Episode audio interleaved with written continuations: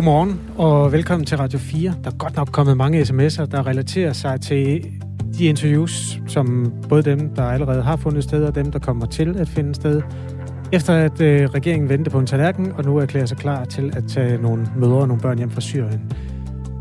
Skal vi bare tage dem fra toppen af? Ja, de forældre er ikke danske. De har vendt Danmark ryggen, og dermed ikke længere danske, og dermed er deres børn heller ikke danske. Man får nærmere en uh, tanke om, at enhedslisten tænker mere på landsforrædere end på danskere. Øh, Daniel skriver, jeg siger pænt tak til enhedslisten og radikale for at bevare vores morale og retssamfund. Dejligt, at de endelig kommer hjem. Også møderne. Tusind tak. Med venlig hilsen, Daniel. Jakob Ellemanns bekymring fandt ingen grænser med hensyn til børn, der på grund af corona ikke kom i skole. Med hensyn til de danske børn i Syrien har han ikke samme bekymring. Venlig hilsen, Inger. Vores lytter Henrik, han skriver, det hedder anbringelse og ikke fjernelse. Henrik refererer til et aspekt i det interview, vi havde med Eva Flyvholm fra Enhedslisten, nemlig diskussionen om, hvorvidt man kunne tvangsfjerne de børn, og om man sådan føler, man burde gøre det. Henrik han uddyber sådan her. Altså han skriver, at det hedder anbringelser, og ikke fjernelse af børnene. Og tak for den øh, rettelse. Medierne bruger en forkert terminologi, og det fordummer debatten. Eva Flyvholm har jo ret, skriver Henrik. Det er de sociale myndigheder, der skal vurdere forældreevnen, og de her forældre kan faktisk være i stand til at varetage omsorgen for deres børn, uanset deres vanvittige valg. Jens skriver, ja, det virker ærligt talt bizart, at det skulle være et problem at adskille børn fra IS-mødre, set i lyset af, at vi fjerner nyfødte på fødegangen alene på mistanke om manglende forældreevner. Det får øh, blod til at rulle rask i årene på nogle af vores lyttere, det her. Der er nogen, der skriver ting og sager, der handler om henrettelse og alt sådan noget. Altså, for mit vedkommende, det er op til dig, hvad du læser op, Jacob, men lige snart ordet landsforræder øh, bliver brugt om politikere, så gider jeg ikke læse den op. Så det er bare et lille, lille heads up til mennesker, der sidder med telefonen. Husk den gode tone. øh, det er det, det hedder. Ja, klokken er syv minutter over syv, og øh, jeg fortsætter altså lige med at fortælle lidt om regeringens øh, kovending på det her spørgsmål. Det er Kasper Harbo og Jakob Grosen, der er til stede i det her studie. Nummeret herind på sms'en er 1424. Begynd beskeden med R4. Tre af de øh, seks mødre, der sidder i fangelejrene, har altså øh, øh, fået frataget deres danske statsborgerskab administrativt, og de tre andre mødre er danske statsborgere. Så der bliver skældnet mellem, om det er 19 børn, der skal hentes hjem, som enhedslisten blandt andet øh, øh, argumenterer for, eller om det er de øh, øh 14 børn, som har danske mødre endnu. Øh, hvis man kigger på den vurdering, der har ligget fra politiets øh, efterretningstjeneste PET, så er det ikke en, øh, den socialdemokratiske regering har følt sig forpligtet til at lytte til øh, sådan hele tiden. Jeg sidder og kigger på en øh, artikel, der udkom den 4. marts i øh, Berlingske, og øh, der forklarede justitsminister Nick Hagerup øh, tre gange på et samråd, øh, at det altså ikke var noget, man behøvede at rette sin politik efter den øh, trusselsvurdering, der kom fra politiets efterretningstjeneste. Det var enhedslistens øh, retsordfører Rosa Lund, der på et tidspunkt på samrådet spurgte øh, Nick Hagerup, hvorfor regeringen ikke fulgte tjenestens anbefaling. Og der sagde Nick Hagerup, PET har lavet deres vurdering, og det er jo fair nok. Den stemmer bare ikke overens med regeringens politik, og vi er ikke forpligtet til at indordne os efter, hvad en styrelse måtte mene. Vi lytter til vores efterretningstjenester, men vi lader ikke vores politik diktere af vores efterretningstjenester. Vi er ikke bundet en til en af, hvad efterretningstjenesterne måtte komme med øh, som deres vurderinger. Det handler jo blandt andet om, at øh, PET på det tidspunkt havde vurderet, at der ville være en større sikkerhedsrisiko ved at lade børnene og øh, deres mødre blive i de her lejre. Øh, der var simpelthen større risiko for, at de ville blive radikaliseret øh, på et senere tidspunkt. Det var den 4. marts. Klip til i går på det her, udenrigs, øh, øh, det her pressemøde i Udenrigsministeriet i København. Vi skal først lige høre, hvad det var, Finn Borg, som øh, er chef for PC, og som var blevet trukket ind på den her pressemødescene, hvad han sagde om den beslutning. Det er vores vurdering, at den kortsigtede sikkerhedsmæssige fordel, der kunne være ved at lade de tre kvinder forblive i lejrene med deres børn, ikke står mål med den langsigtede og mere alvorlige trussel, som de tre, børn og deres, som de tre kvinder og deres børn kan komme til at udgøre, hvis de over en længere tidsperiode, over en årrække, ukontrolleret vender tilbage til Danmark mere radikaliseret og muligvis våbentrænede. Det var jo det, øh, PT hele tiden har sagt, og det var det, PT så nu fik lov til at sige i forbindelse med, at regeringen lancerede sin politiske holdning til øh, sagen. Lad os lige høre fra justitsminister Nick Hagerup, som han sagde i aftes, altså det er i kølvandet på, at han i marts sagde, at man ikke er forpligtet til at bygge sin politik på en styrelse, som han kaldte PET's vurdering. I går sagde Nick Hagerup så sådan her. Jeg vil gerne slå fast, at regeringens holdning til fremmedkrigerne ikke har ændret sig.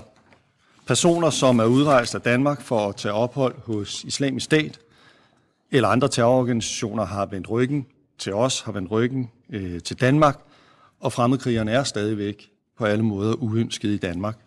Men, som jeg også har hørt Finn Borg sige, så er det PET's samlede sikkerhedsmæssige vurdering, at det på nuværende tidspunkt vil være mest hensigtsmæssigt at evakuere de tre kvinder med dansk statsborgerskab i lejrene og deres børn. Det er en vurdering, som øh, regeringen handler på. Det gør vi, fordi vi ønsker at passe på Danmark, og det gør vi, fordi vi ønsker at passe på danskernes sikkerhed. Det er politik i en nødskal.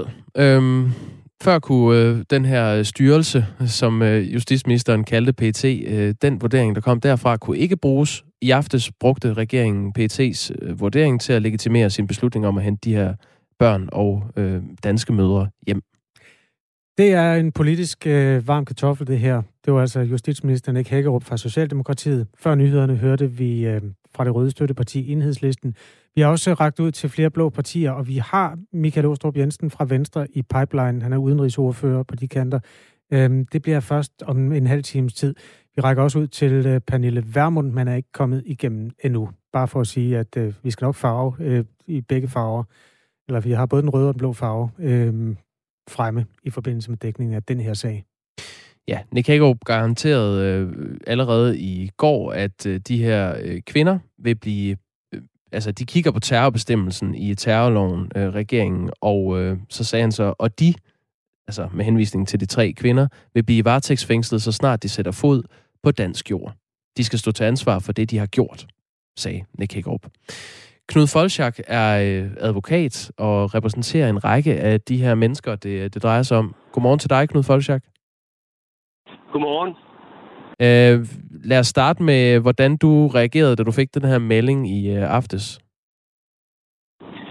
Jamen, jeg blev selvfølgelig øh, meget glad, meget begejstret på vegne øh, børnene, på vegne møderne, på vegne af den forening, øh, som har arbejdet på det her i mange, mange, mange år, RTC.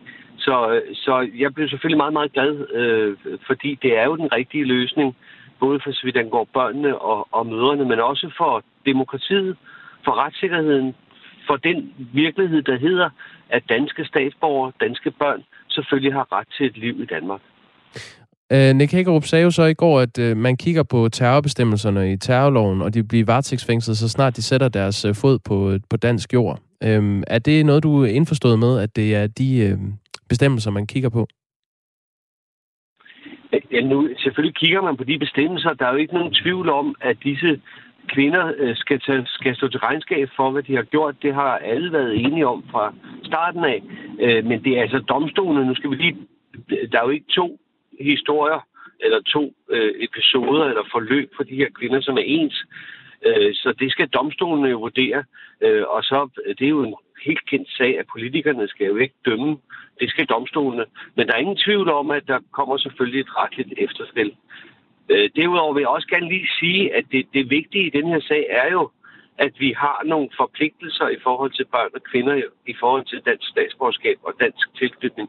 Men det er vel også rimeligt at sige, at det, der jo måske var det udslagsgivende for regeringsbeslutning, det var jo, at der var begyndt at være tvivl om, at øh, kurderne, altså det kurdiske selvstyre, ville lukke, grænse, lukke lejrene op, altså simpelthen sende kvinder og børn hjem. Øh, og det er vel det, der var risikomomentet, og det, der var det mest aktuelle i PETs vurdering af sagen. Så der var tale om en sikkerhedsmæssig korrekt beslutning. Jeg mener også, man skulle have gjort det før. Men af hensyn til retssikkerhed, af hensyn til menneske, næstekærlighed og hensyn til børn og forpligtelser i forhold til konventioner så var det en rigtig beslutning, som man burde have truffet for lang tid siden. Men, men vi var meget, meget glade, da det blev øh, virkelighed i går. Rasmus Stocklund fra regeringspartiet øh, Socialdemokratiet øh, medvirkede på et tidspunkt her i programmet, hvor han sagde, at noget af det, han frygtede, det var, at man ikke kunne fordømme de her kvinder efter, hvad de reelt har, har gjort. At man ville simpelthen have en bevisbyrde, som er svær at løfte her i Danmark, når der kan være blevet begået ting i Syrien, som vi ikke kender til. Øhm, hvordan ser du på, på den udmelding? Stoklund har jo sagt utrolig meget i den her sag. Stoklund ved godt, at Stoklund har selv været med til at vedtage en lov, som nærmest på et objektivt grundlag, det vil sige nærmest uden bevisførelse, blot man har været i de her områder, kan øh, idømme folk, øh, det er paragraf 14 øh, i, i straffeloven, kan dømme disse øh, kvinder Øh, meget hårde straffe øh, omkring fem år. Så det ved Stoklund godt. Det har været politisk bullertort øh, i, i hele den her politiske sag, som har været meget, meget ulykkelig i øvrigt, og som er gået ud over børnene, som burde have været hjemme for, for, for lang, lang, lang tid siden. De har siddet på to kvadratkilometer på den her jordklode, hvor de ikke er blevet behandlet retfærdigt og i henhold til det, som de har ret til. Øh, så vil jeg også godt lige knytte en kommentar til, at der sidder jo stadigvæk fem børn i Syrien, som har ret til at være i Danmark, som har ret til øh, et dansk statsborgerskab. Og det er jo klart, at vores forening, RTC, vil nu arbejde for, at de sidste fem børn også kommer til Danmark sammen med deres mødre. Fordi det er jo den rigtige beslutning. Og det er måske det eneste, som undrer os en lille smule, det var, at man nu ikke tog skridtet fuldt ud. Øh, men det må vi så håbe, at det kan følge hurtigt efter. Nu kommer de her tre øh, danske mødre og deres øh, 14 danske børn hjem. Øhm, de danske kvinder, hvor du, øh, Knud Folchak, repræsenterer to af dem, er begge etnisk danske. Det er en kvinde på 31 år fra Nordvest Sjælland med to børn, en femårig dreng og en fireårig pige, og en anden etnisk dansk kvinde fra Jylland på 33 år, der har i alt fem børn. Det er en toårig pige, en 9-årig dreng, en 11-årig dreng, en 12-årig pige og en 13-årig dreng. Der er et spænd der fra, fra 2 til, til 13 år. Hvad er det for en tilværelse, der venter dem, når de kommer tilbage til Danmark?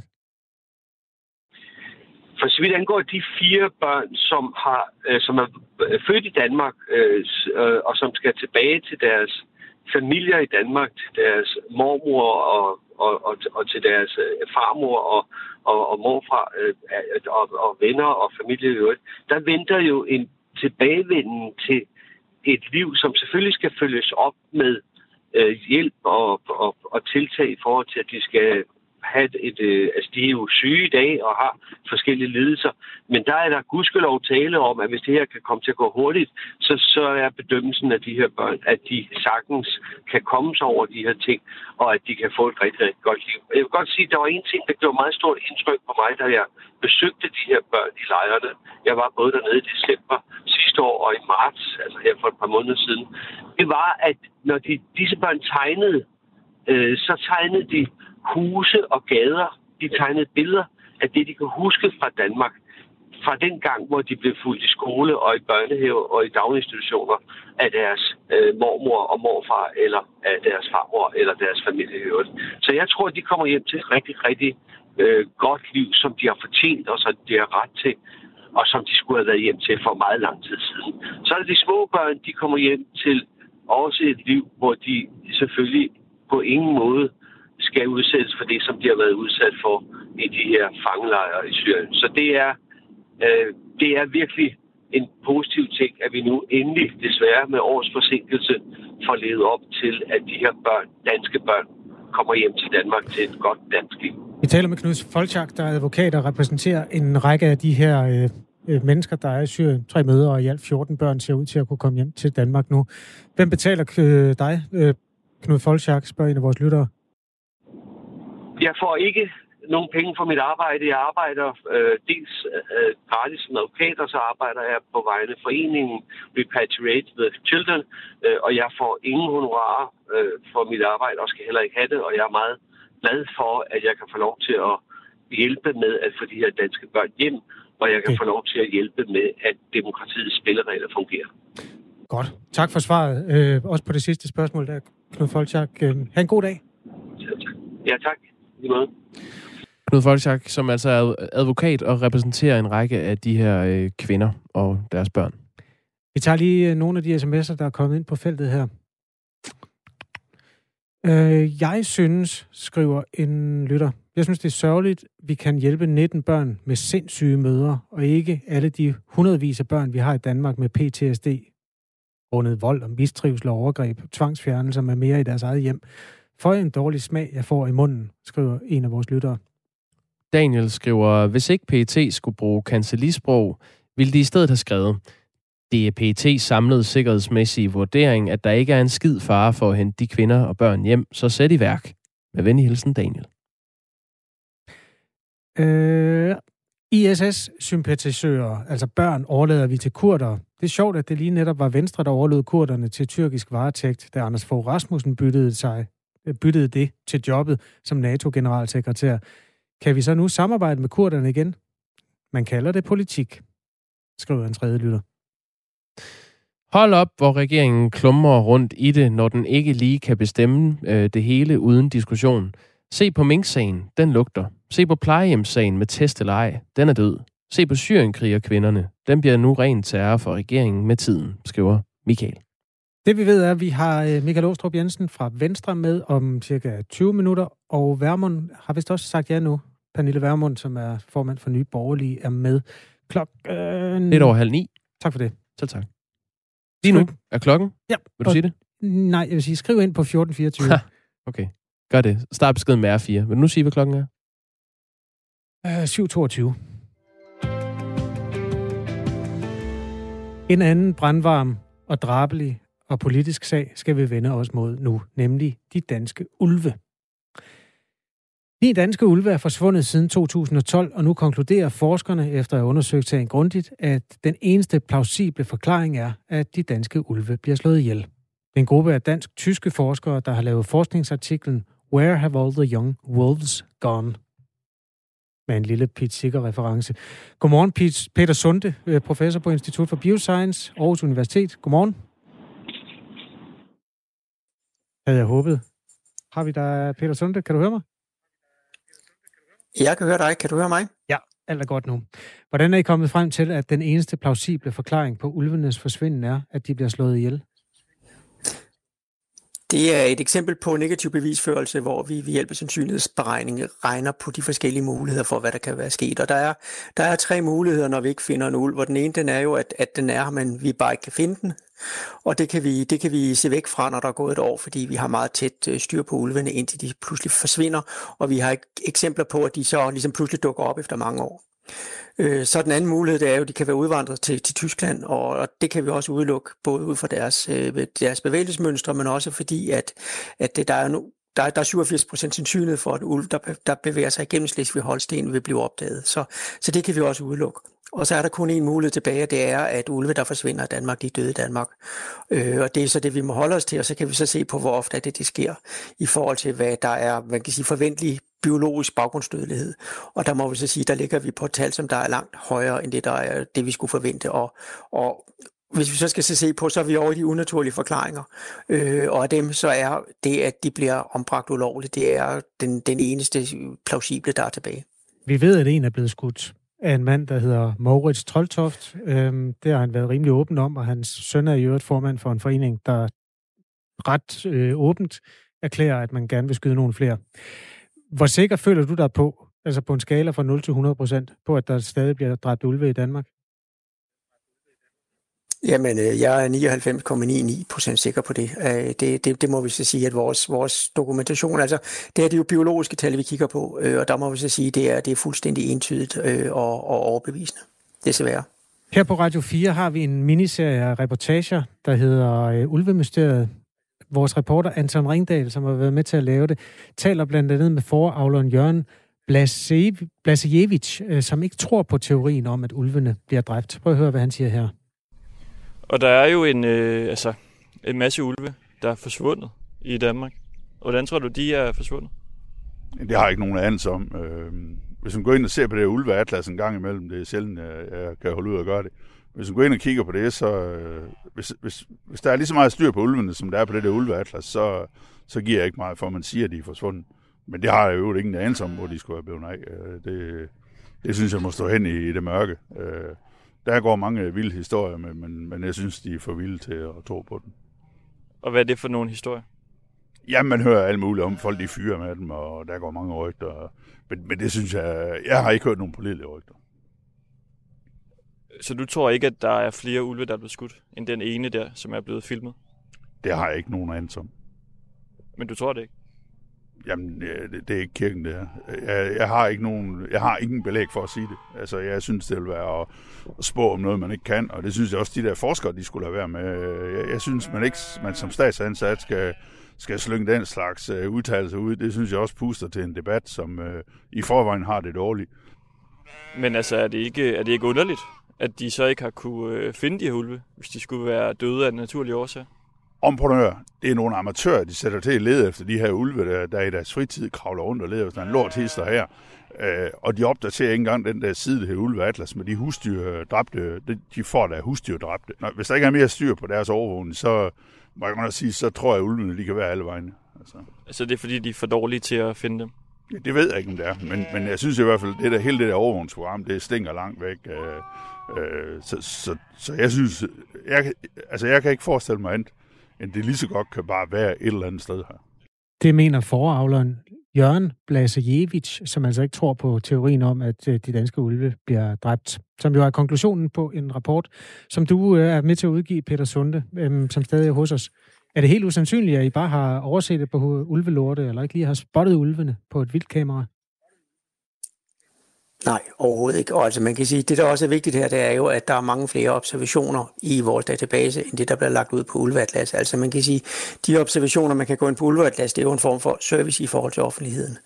Øh, langt de fleste observationer, de, de ligger i vores database. Men de data, vi i øvrigt har arbejdet med, og, og det, er jo, det skal jeg ligesom fremhæve, det her det er jo en analyse, det er en kvantitativ analyse, den er baseret på de data, vi har indsamlet. De data, de er lagt ud, øh, de ligger på, på nettet nu, så alle i hele verden med en internetforbindelse kan tilgå de her data og selv analysere dem efter. Øh, og det, vi, det vi, vi, vi har, det er, at vi har jo observationer, der ligger som perler på en snor af de her ulve, indtil de forsvinder. Mm. Så det her, det er en analyse, der er datadrevet. Men man kan sige, det handler om sandsynligheder. Jeg kan heller ikke føre øh, bevis, akkurat bevis for, at der ikke findes næser i vindsyssel, eller der lever en, en øh, sydslange på bund af Randers Fjord, fordi øh, det vil jo kræve, at man kan sige, at man tømmer den for vand. Og det er jo lidt det samme her, så derfor må vi arbejde med sandsynligheder. Og de her sandsynligheder, de er så små, så vi siger, at de er så tæt på nul, at, at, og derfor så kan vi udelukke den mulighed. Det er godt, du ikke forsker i fisk. Tænk, hvis du ville tømme alle vandløb for vand, bare for at bevise, at den, en fisk eksisterede. Nej, nu bliver det meget knudret. Men det behøver vi heller ikke, fordi... var det ikke det, du sagde, hvis det, man det behøver vi heller ikke, fordi der, der, der, kan, der kan vi bruge vores statistik jo. Okay, fair nok. Ved du hvad, det er også bare fordi, jeg tror, det blev et lille smule knudret, den måde, du fik svaret på. Mit, det, jeg egentlig spurgte om, er det helt usandsynligt, at I har, øh, bare har overset øh, nogle ting? Og der siger du nej overhovedet ikke. Men du mener altså, du, du mener faktisk det modsatte. Er det ikke rigtigt forstået? Ja, ja det, er, det, er, det, er fuld, det, er, det er fuldstændig usandsynligt, at vi har skulle øh, overse dem her. Okay. Øhm, hvad tænker du så, når du hører en lokal foravler sige, at I tager fejl? Jamen altså, man kan så sige, at det er jo forskellige tilgang, og det, det som der jo, altså, jeg er jo enig i, at øh, vi har jo ikke baseret vores analyse på, hvad folk de mener og siger. Vi baserer vores analyse på vores observationsmønster. Øh, og, og der må vi så bare sige, at der er tallene fuldstændig ubundhørlige.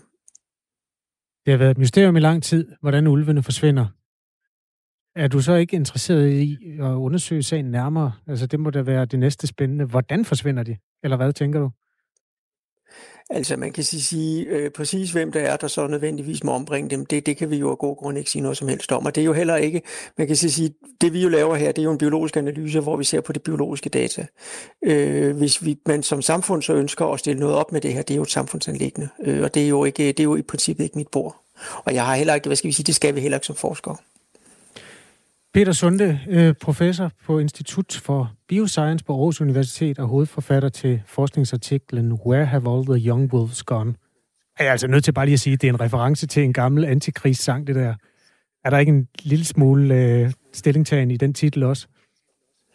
Nå, men vi har en klar konklusion, så på den måde her, så er det jo en, en hvad skal vi sige, men det er jo den frihed, det er jo ligesom med valg af slips, øh, det er jo, at forskning er enormt kedelig, men lige præcis i titlen, der har man mulighed for at have lidt frihed, øh, og det har vi så gjort. Ja, fair nok. Den, det har du lov til. Tak fordi du var med, Peter Sunde. Velbekomme. Og øh, husk, at hvis du er interesseret i ulvedebatten og de mange forsvundne ulve, så find ulvemysteriet hos øh, os, Radio 4 Reportage. Og det står der frit for, hvilket slips du tager på i dag. Øh, MK. Nu er klokken halv otte.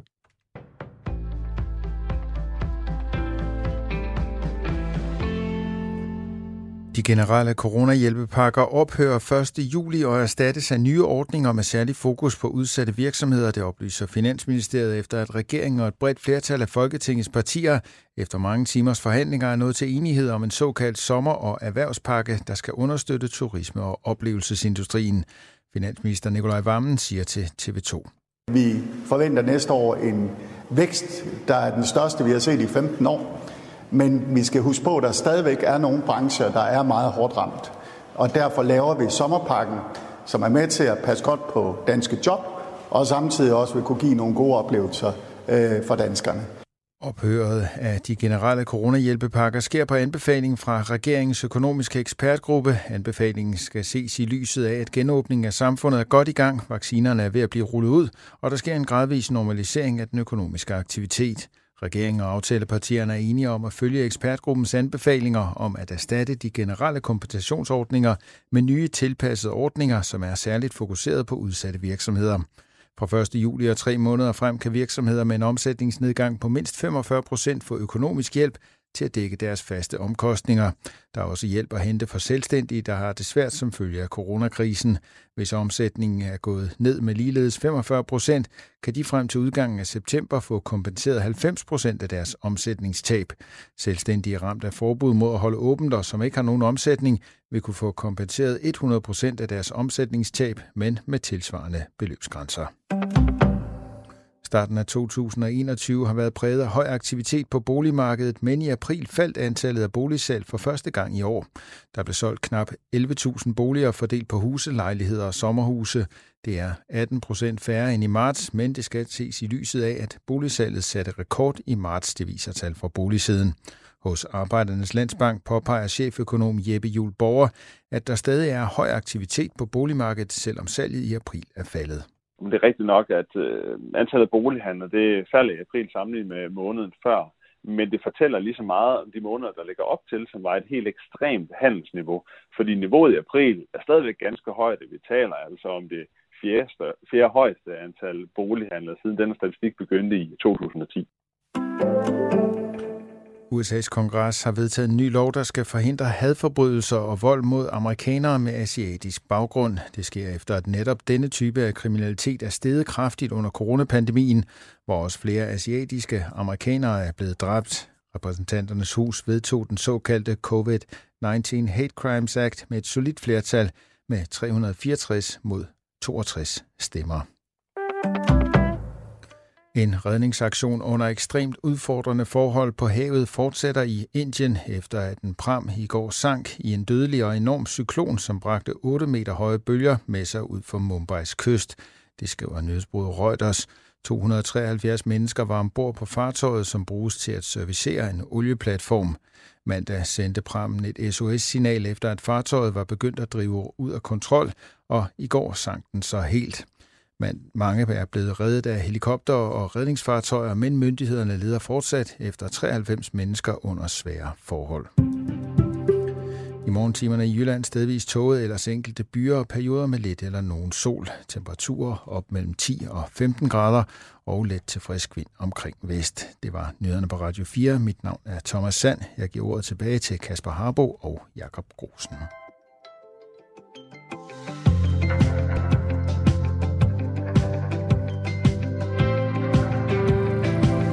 Ja, godmorgen og velkommen til Radio 4 på en dag, hvor vi går meget øh, nært ombord i regeringens kovending i sagen om syrisk anbragte børn og voksne. Den kommer vi til at snakke om om cirka 10 minutter her i Radio 4. Vi skal også kigge på Israel, hvor det øh, står, går hit til. Og nu skal vi på nettet, forstår jeg.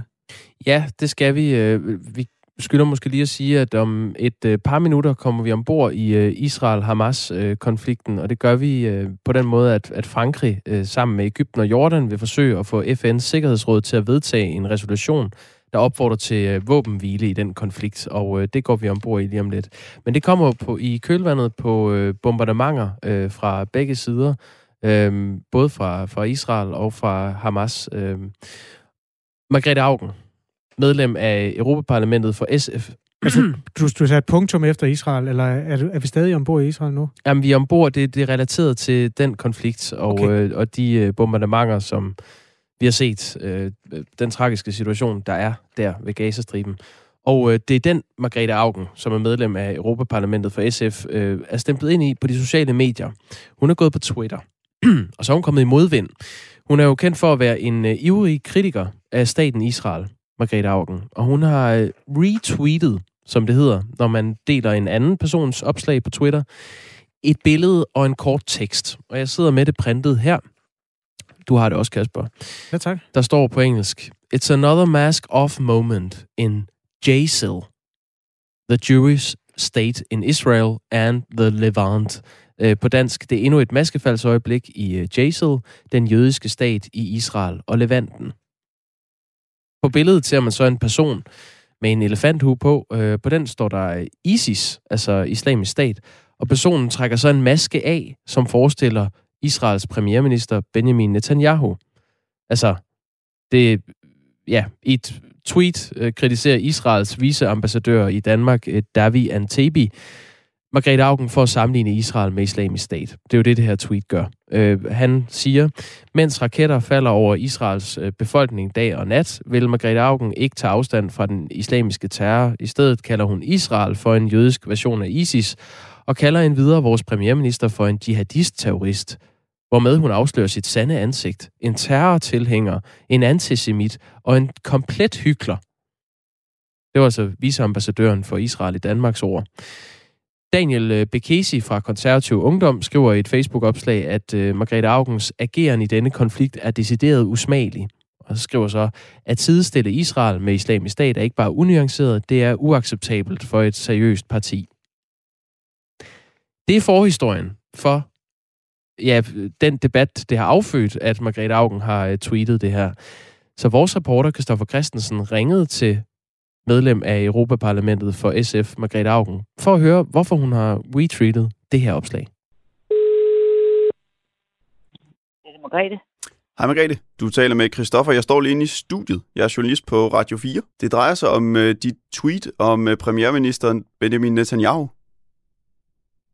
Hvorfor det er det, sagt? Det er der, hvor du sammenligner ham lidt med en fra islamisk stat. Nej, det, ej, nej, det, det slettede jeg med det samme. Så øh, jeg ved godt, at den israelske ambassade meget gerne vil opretholde det, men det slettede jeg med det samme. Må det, også... det var mig, der lavede et retweet af ham, der hedder Max Blumenthal, altså en amerikansk palæstinenser. En helt stribe, og der var den kommet med. Og, og så var der en, der gjorde mig opmærksom på det, og så så jeg det, og så skrev jeg, at den kan jeg heller ikke lide, den sletter jeg, og så slettede jeg den. Så, så længere er den ikke på mit, på mit vedkommende. Okay. Må jeg spørge, hvad du vil med dit uh, tweet? Nej. Nu har jeg... Nej, ja, det lå i en lang serie af, af, af nogle af de overfald, der var på palæstinenser øh, i, øh, inde i Israel. Jeg slettede det, så det jeg er fuldstændig tåbeligt, hvis jeg skal stille op for det nu. Ja, okay. Så du fortryder det faktisk bare? Ja, jeg fortryder altså det var der, ja, fordi det, det er fælt, men det er under mit niveau. Okay. Altså, jeg synes, han er fæl, men, men, men det, det der var under mit niveau. Det var kun fordi, det lå i en lang stribe, altså fik det den der, så røg det ind der. Hvorfor var det over dit niveau, da du lagde det op? Under mit... Fordi jeg ikke havde lagt mærke til det. Jeg twittede alle billederne, og da det så blev præsenteret for mig, den må så sige, at det der er under mit niveau. Det sletter jeg. Jamen, uh, Margrethe, det lyder jo til, at du bare fortryder det. Jamen, ja, jamen, altså undskyld mig. Skal jeg stave det for dig? Endelig ikke. Det, det kan jeg godt stave siden. til. Jeg skrev det på min Twitter for længe siden. Mange tak, fordi jeg lige måtte uh, tale med dig. det er godt. Hej. God dag. Sådan lød det da Christoffer Christensen her fra Radio 4 ringede til øh, medlem af Europaparlamentet for Socialistisk Folkeparti, Margrethe Augen, for at høre, hvorfor hun havde øh, retweetet det her opslag og slettet det igen. Ja, men altså, øh, debatten er jo varm. Ikke bare på internettet, men også ude i virkeligheden. Frankrig vil sammen med Ægypten og Jordan forsøge at få FN's Sikkerhedsråd til at vedtage en resolution, som skal opfordre til våbenhvile i konflikten mellem Israel og Hamas-bevægelsen. Det oplyste den franske præsidents øh, kontor sent i går, og det var altså en af de tunge stemmer, der melder sig nu efter flere ugers uroligheder, som øh, Hans Henrik Fafner, journalist bosat i Tel Aviv, har fulgt med i. Godmorgen. Ja, godmorgen. Det franske udspil er kommet i stand efter samtaler mellem præsident Macron og hans øh, egyptiske modpart, øh, og, og også Jordans kong Abdullah. Hvad er det, de her tre lande nu opfordrer FN's Sikkerhedsråd til?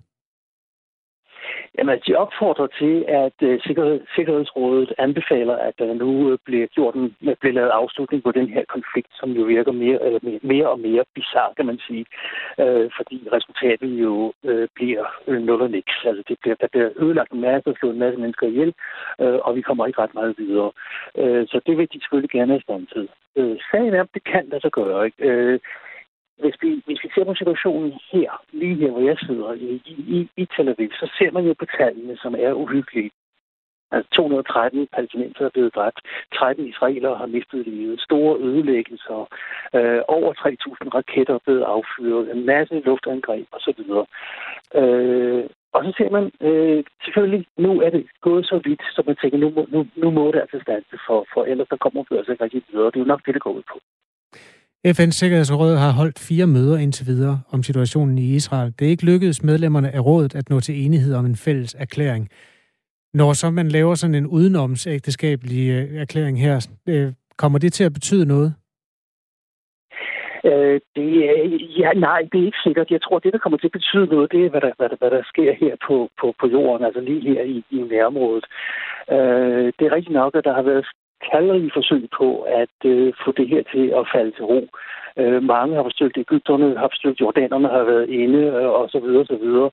Øh, det her, det styres øh, primært af premierminister Benjamin Netanyahu, og han øh, stanser, når han, når han selv er, er, er indstillet på den, han selv synes, at, at, at det er nok. Øh, her i Israel, kan jeg fortælle, øh, der kører en debat. Øh, generalstaben siger selvfølgelig ikke rigtig noget, for det er ikke deres opgave at blande sig i, i, i det. Øh, men øh, politikere fra øh, alle partier øh, begynder altså nu at tale om, at det her det er nok, og nu er det stanse. Men Netanyahu, han øh, siger, at han vil altså have, han bliver altså ved, indtil man har et mærkbart resultat. Og det, det er jo det, det drejer sig om der skal et resultat til, før øh, parterne vil danse. Sådan plejer det at være, og sådan er det også dengang.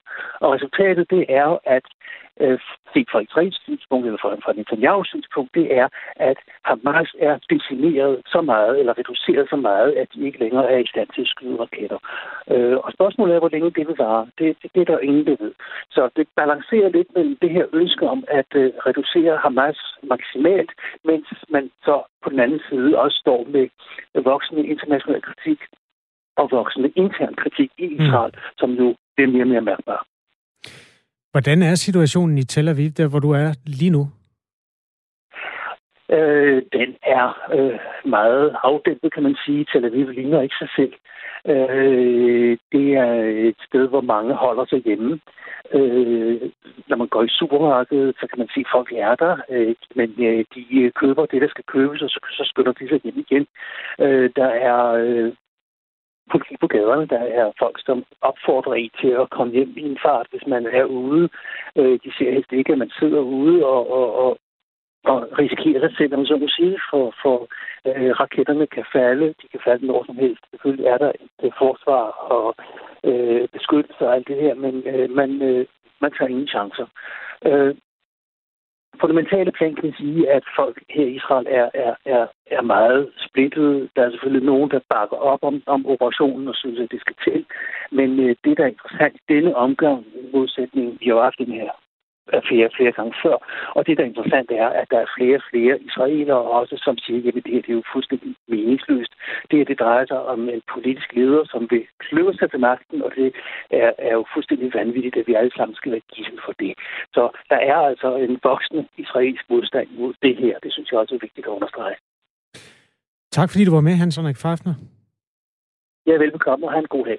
Tak, i lige måde journalist, altså bosat i Tel Aviv, som hjælper os med at se igennem dagens udvikling i den der meget, ja, øh, nu længerevarende militante konflikt. Vores sidste nyt er, at Frankrig sammen med Ægypten og Jordan vil forsøge at få FN's Sikkerhedsråd til at vedtage en resolution, som skal opfordre til en våbenhvile i den store konflikt mellem Israel og Hamas-bevægelsen, der betyder, at raketterne flyver den ene og den anden vej. Resultatet er vel, at han skal genvælges, skriver Axel på sms'en.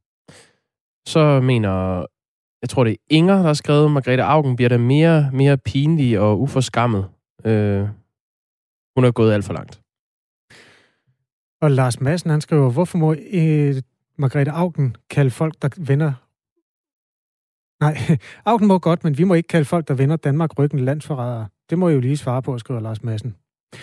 Lars Madsen, og faktisk også en mand, der hedder Paul, er begge to oppe i det røde felt over, at øh, jeg åbent erklæret, at der er nogle sms'er, der bliver valgt fra. Der kom en meget voldelig en, hvor ord som landsforræder og øh, mindelunden og øh, sådan noget med henrettelser og sådan noget, det gik hånd i hånd. Og det, det har vores to lyttere der enormt svært ved at forstå. Der, det kan også være, at der er flere, der, er ved, der har svært ved at forstå det. Og jeg synes jo også, det er fair nok, at folk skriver lige præcis, hvad de føler. Men der er grænser for, hvad vi må og også skal bringe ud i radioen. Folk, der bruger udtrykket landsforrædere om politikere, der bliver det brugt som et skældsord. Og det er en øh, afvejning, selvfølgelig, om man synes, det er fedt. Personligt synes jeg, det er over grænsen at bruge den type begreber om danske politikere. Når man så til gengæld gør det om de mennesker, der rejser til Syrien for at tilslutte sig islamisk stat, så har man en, så det er en anden type sms i min optik. Jeg ved det ikke, det er fuldstændig åbent redaktionsmøde, det vi har lige nu, Jacob. Mm, nej, jeg synes, du øh, har ret. Jeg lader dig egentlig bare føre ordet. okay, det er også kniven. Øh, jeg synes, jo, jeg synes, det er fint at indgå en uh, dialog om det. Det er bare det der med, man kan sagtens høre politiske standpunkter, som man ikke bryder sig om i radioen. Man behøver ikke at, at skrive sådan nogle henrettelses-sms'er. Og hvis du føler for at lave sådan en, kan du bare sende den til nogle andre. Jeg, de bliver ikke læst op. Sådan er det altså. Selvom Lars og Paul synes, det er dumt. Med understregelse om, at øh, debatten er altså fri på sms'en, og øh, det vil man også kunne høre, hvis man hører Radio 4 morgen, der bliver alle synspunkter sådan set belyst. 1424-nummeret R4 starter du din besked med. Nu skal vi igen ombord i historien om de her øh, kvinder og børn, der skal hjem fra de øh, fangelejre, der ligger i Syrien, og tilbage til Danmark. Og vi kan jo starte med lige at sige uh, godmorgen til Michael Åstrup Jensen, som er udenrigsordfører for Venstre. Godmorgen. Godmorgen. Godmorgen. Michael Åstrup Jensen, vi lægger lige ud med at høre, hvad uh, den danske statsminister har uh, sagt om at tage de her danske kvinder og børn hjem til Danmark, og så hvad der blev sagt på et pressemøde i aftes. De der mennesker, der har vendt Danmark ryggen, de har ikke noget at gøre her. Det har de altså ikke. Vi har jo truffet den beslutning som regering, at vi ikke tager børnene til Danmark øh, fordi deres forældre har vendt Danmark ryggen, øh, rejst ud, tilsluttet sig islamisk stat, øh, og dermed jo truffet et valg, øh, både på egne og på deres øh, børns øh, vegne. De skulle ikke hjem. Øh, I aftes sagde justitsminister Nick Hækkerup så sådan her på et pressemøde i Udenrigsministeriet. Så er det PET's samlede sikkerhedsmæssige vurdering, at det på nuværende tidspunkt vil være mest hensigtsmæssigt at evakuere de tre kvinder med dansk statsborgerskab i lejrene og deres børn. Det er en vurdering, som øh, regeringen handler på. Det gør vi, fordi vi ønsker at passe på Danmark, og det gør vi, fordi vi ønsker at passe på danskernes sikkerhed. For så vidt angår de tre kvinder uden dansk statsborgerskab og deres fem børn, så har regeringen truffet beslutning om at tilbyde at evakuere børnene uden deres mødre. Det forudsætter samtykke, som det er op til møderne at give. Og så er vi tilbage ved dig, Michael Åstrup Jensen. I Venstre er I stærkt kritiske over for øh, regeringen, som altså har ændret holdning til det her spørgsmål, efter en rapport fra en taskforce, der blandt andet indeholder en øh, sikkerhedsvurdering fra øh, PET. Øh, lad os lægge ud der. Hvorfor er I utilfredse med den her beslutning? Jamen det er vi, fordi vi jo faktisk har samme holdning, øh, som vi havde for en uge siden, øh, og som regeringen også for en uge siden havde, nemlig at det her det er altså mennesker, øh, som øh, for det første jo øh, har vendt Danmark ryggen. De har tilsluttet sig den værste terrorregime, øh, verden har set i nyere tid, øh, og derfor mener vi alle talt ikke, at vi aktivt skal gøre noget som helst for at få de tre kvinder øh, tilbage. Samtidig har vi jo også sagt, at vi vil gøre alt, hvad vi kan for børnene, Øh, og det mener jeg faktisk også, hvis man går ind og læser rapporten, jamen der kunne vi også gøre rigtig mange ting i forhold til børnene, men uden at vi så dermed skulle tage øh, møderne tilbage. Så for at være helt ærlig, den eneste grund til, at regeringen nu laver den her kæmpe kovending i forhold til, hvad de tidligere har sagt, det er jo en og alene for at tækkes øh, enhedslisten radikale venstre, så de kan frede Jeppe Kofod. Det er dybt problematisk, at regeringen nu laver en kovending og henter fremmedkrigere og IS-sympatisører til Danmark, sagde øh, din øh, kollega Morten Dalin, som er indfødsretsordfører i Venstre i en skriftlig kommentar til Berlingske i kølvandet på det her. Hvad, hvad skulle regeringen ellers have gjort? Jamen, de skulle faktisk have taget og læst den rapport, de selv har sat i søen, øh, og som jo faktisk siger, at der er en farbar vej, både i forhold til at tilbyde adoption øh, frivilligt øh, til mødrene. Det har vi allerede gjort tidligere med den 13-årige dreng øh, for cirka to år siden, øh, som blev taget hjem, selvom moren jo stadigvæk den dag i dag er i lejren. Men derudover, og det er jo det nye, det er, at rapporten også siger, at der faktisk er en farbar vej til tvangsfjernelse af børnene. Øh, det vil kræve noget lovgivning, det vil kræve noget individuel vurdering af hver enkelt sag til sag, men det er en farbar vej inden for vores internationale konventioner og forpligtelser osv. Så helt ærligt, regeringen skulle bare have læst deres egen rapport, øh, og så kunne de faktisk have fundet en løsning uden øh, at tage øh, de her kvinder tilbage. Tre af de her seks mødre i øh, fangelejrene har været frataget deres øh, danske statsborgerskab administrativt, og de andre tre er danske øh, statsborgere. 19 børn er der tale om. Øh, de er mellem 1 og 14 år. Ni af dem er født i Danmark, mens de resterende 10 er født i konfliktzonen. Øh, regeringens beslutning kommer så efter, at den her taskforce har undersøgt, om det er muligt at hente børnene uden deres mødre, og den konkluderer blandt andet, at det vil være vanskeligt, fordi mødrene ikke vil give samtykke til at lade sig adskille fra deres børn. Desuden har det kurdiske selvstyre, som kontrollerer lejrene, afvist generelt at adskille børn og øh, mødre. Michael Åstrup Jensen, vi skal lige høre fra chefen for PET, Finn Borg. Han var også med på pressemødet, og han sagde øh, sådan her.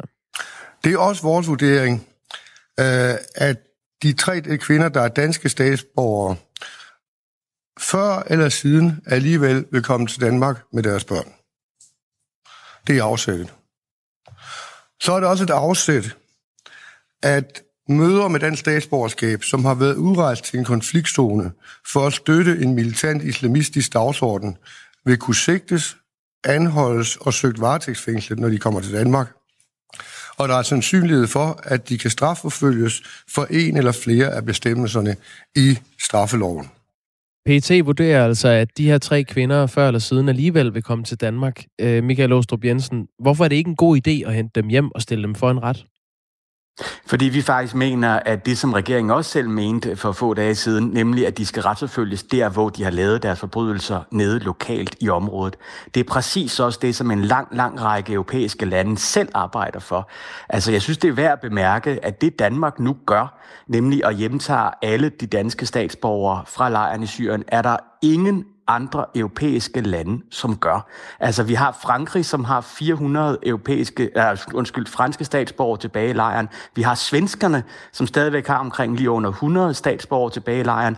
Det vi gør, er kun lande som Uzbekistan, Kazakhstan og Rusland, som har gjort tidligere. Ingen andre europæiske lande, som vi sammenligner os med normalt, gør det, Og som hvad, vi hvad er din gør. pointe med det? Det er jo, at det jo skriger jo til himlen, øh, at de lande har jo adgang til præcis de samme oplysninger, som den danske regering har, og de mener altså stadigvæk, at det, som den danske regering selv mente for dage siden, nemlig at det er bedre at have dem nede lokalt i forhold til sikkerhed, men det er også bedre i forhold til, hvis vi skal have en retsforfølgelse af de her mennesker, så skal de selvfølgelig være tæt på, hvor forbrydelserne er sket, i forhold til adgang til beviser, i forhold til adgang til vidner, og så mener vi faktisk, at lige sådan som efter øh, øh, kæmpe massakre i Rwanda, øh, Kambodja og andre steder, hvor man fik en lokal øh, øh, domstol bagefter til at gå igennem alle de her mange sager, så mener vi alle taget også, de mange ofre i både Irak og Syrien har, burde have ret til, at de øh, forfærdelige terrorister blev retsforfulgt der, hvor de lavede forbrydelserne. Noget af det, der også kommer fra PT, det er jo en øh, udmelding om, at, øh, at man i, har større mulighed for at undgå, at de her børn bliver radikaliseret ved at øh, tage dem hjem. Anerkender du den præmis? 100 procent. Og det er jo også derfor, at vi har hele tiden har sagt, at grunden til, at vi overhovedet gik med i taskforcen, øh, var jo for at simpelthen se på, hvad kan vi gøre for at få børnene herhjem, enten frivilligt eller øh, at vi simpelthen gør det med tvang i forhold til børnene. Og der synes jeg faktisk, at rapporten er rigtig, rigtig interessant, øh, og jeg vil anbefale alle at gå ind og kigge på den. Man går ind og kigger på Udenrigsministeriets hjemmeside, så ligger den åbent og frit fremme, øh, og der kan man simpelthen se, Øh, at øh, taskforcen faktisk kommer frem til, at øh, det er en, en mulig vej i forhold til tvangfjernelse. Det vil kræve en lovgivning i Danmark, som jeg er stensikker på, at et flertal i Folketinget vil være klar på, og så vil det kræve individuelle vurderinger, men ellers så vil det være en farbar vej. Det vil være vanskeligt, ja selvfølgelig, det er alt i forhold til det her område, men det vil være muligt, og det er derfor den vej, vi mener, regeringen burde forfølge. Ja, det vil blandt andet også være vanskeligt, fordi møderne ikke øh, vil give sådan samtykke til at lade sig adskille fra deres børn. Og desuden har det kurdiske selvstyre jo så øh, generelt afvist at adskille øh, børn og, og mødre. Men det har, det har, det har vi, vi jo gjort før. Altså, det er jo derfor, jeg forstår sagtens det kurdiske selvstyre i Syrien. Det skal vi heller ikke glemme. Jeg har selv haft møder med masser af deres gode repræsentanter. De ønsker jo selvfølgelig noget i stedet for. De ønsker anerkendelse, de ønsker hjælp og alt muligt andet. Så det er jo en forhandling, ligesom det er som alle mulige andre lande øh, øh, og områder, vi forhandler med. Og derfor øh, vil man sagtens kunne forhandle om en løsning. Og jeg bare ved at sige, at vi selv har øh, fået hjemtaget en øh, øh, tidligere, uden at moren øh, fulgte med. Og andre europæiske lande har gjort præcis det samme øh, i forhold til kun at hjemtage øh, visse enkelte børn øh, uden deres mødre. Så det er altså muligt. Vores lytter Mariemme spørger, hvorfor det er Syriens ansvar, når det her det gælder vores egne statsborgere. Fordi det er jo sådan, at faktisk i dag, der er der 121 fængslede danskere rundt om i verden. Vi har intet ansvar for at hjemtage danskere med, med danske skatteyderes penge, hvis man har lavet en forbrydelse i et pågældende område. Tværtimod Øh, har det været vores opfattelse, og også regeringens indtil for en dag siden, øh, at når der er lavet en forbrydelse i et område, skal du selvfølgelig også få retten i det område, så du kan stå til ansvar i det område. Altså sagt lidt firkantet, hvis du laver mor i USA, så er det jo heller ikke sådan, at vi kommer hjem og, og siger, ups, nu skal du tilbage til Danmark og have det meget bedre i Danmark til retsforfølgelse i Danmark. Du står selvfølgelig til ansvar i det land, du har lavet forbrydelsen. Du er ikke vild med, at øh, de her kvinder øh, kommer øh, tilbage til Danmark, men øh, du er tilfreds med, at børnene kommer øh, tilbage til Danmark. Er det det, vi skal tage med videre herfra? Ja, det kan man sige. Øh, men i forhold til kvinderne, så synes jeg, at det er rigtig, rigtig farligt, at de nu kommer. Det er rigtigt, at de vil sikkert kunne få, som også rapporten siger, et sted mellem 3 til 5 år. Mm. Og det vil sige, at efter god opførsel er de jo måske potentielt ude efter to år, hvis de altså bliver dømt. Øh, og her taler vi altså både om en sikkerhedsrisiko, men jeg synes også, det sender det dårligst mulige signal, at vi nu velkommer øh, terrorister tilbage til Danmark. Så lød det fra Michael Åstrup Jensen, som er udenrigsordfører for øh, Venstre. Tak fordi du var med. Ja, selv tak. Lad os tage en stribe reaktioner på den. For eksempel denne her, der står, de børn vil være det, man kalder for tidligt skade. De vil ikke komme til at være andet end evig økonomisk social belastning for vores samfund. Endnu en for Danmarks, altså verdens bistandskontor. Øh, en anden lytter skriver, jeg kan godt forstå, at det at kalde politikere for landsforrædere er for groft, men må vi kalde dem opportunistiske vendekåber? Bliver der spurgt. Det må man godt. Ja, velkommen. Øh, Katarina skriver, hvad er forskellen på, øh, at man kun tager børnene hjem, eller tager både børn og mødre hjem? Uanset hvad, så får børnene jo ikke lov til at blive hos deres mødre, når mødrene jo skal i fængsel. Jeg synes ikke, det giver mening. Vores lytter Ditte skriver, jeg vil fremadrettet stemme nye borgerlige blot for at gå så meget som muligt mod Socialdemokraterne i denne skandaløse beslutning om at importere disse hjernevaskede mennesker til Danmark. Sikke en regning, vi får, skriver Ditte. Er der overhovedet nogen, der har spurgt de tre kvinder, om de selv gerne vil hjem? Det er vel en menneskeretterejse, hvorhen man vil, og så må man jo selv råde sig ud af problemerne, når man bevidst øh, rejser til et kriseområde. Venlig hilsen, Conrad Plunk. Klokken er to minutter i otte.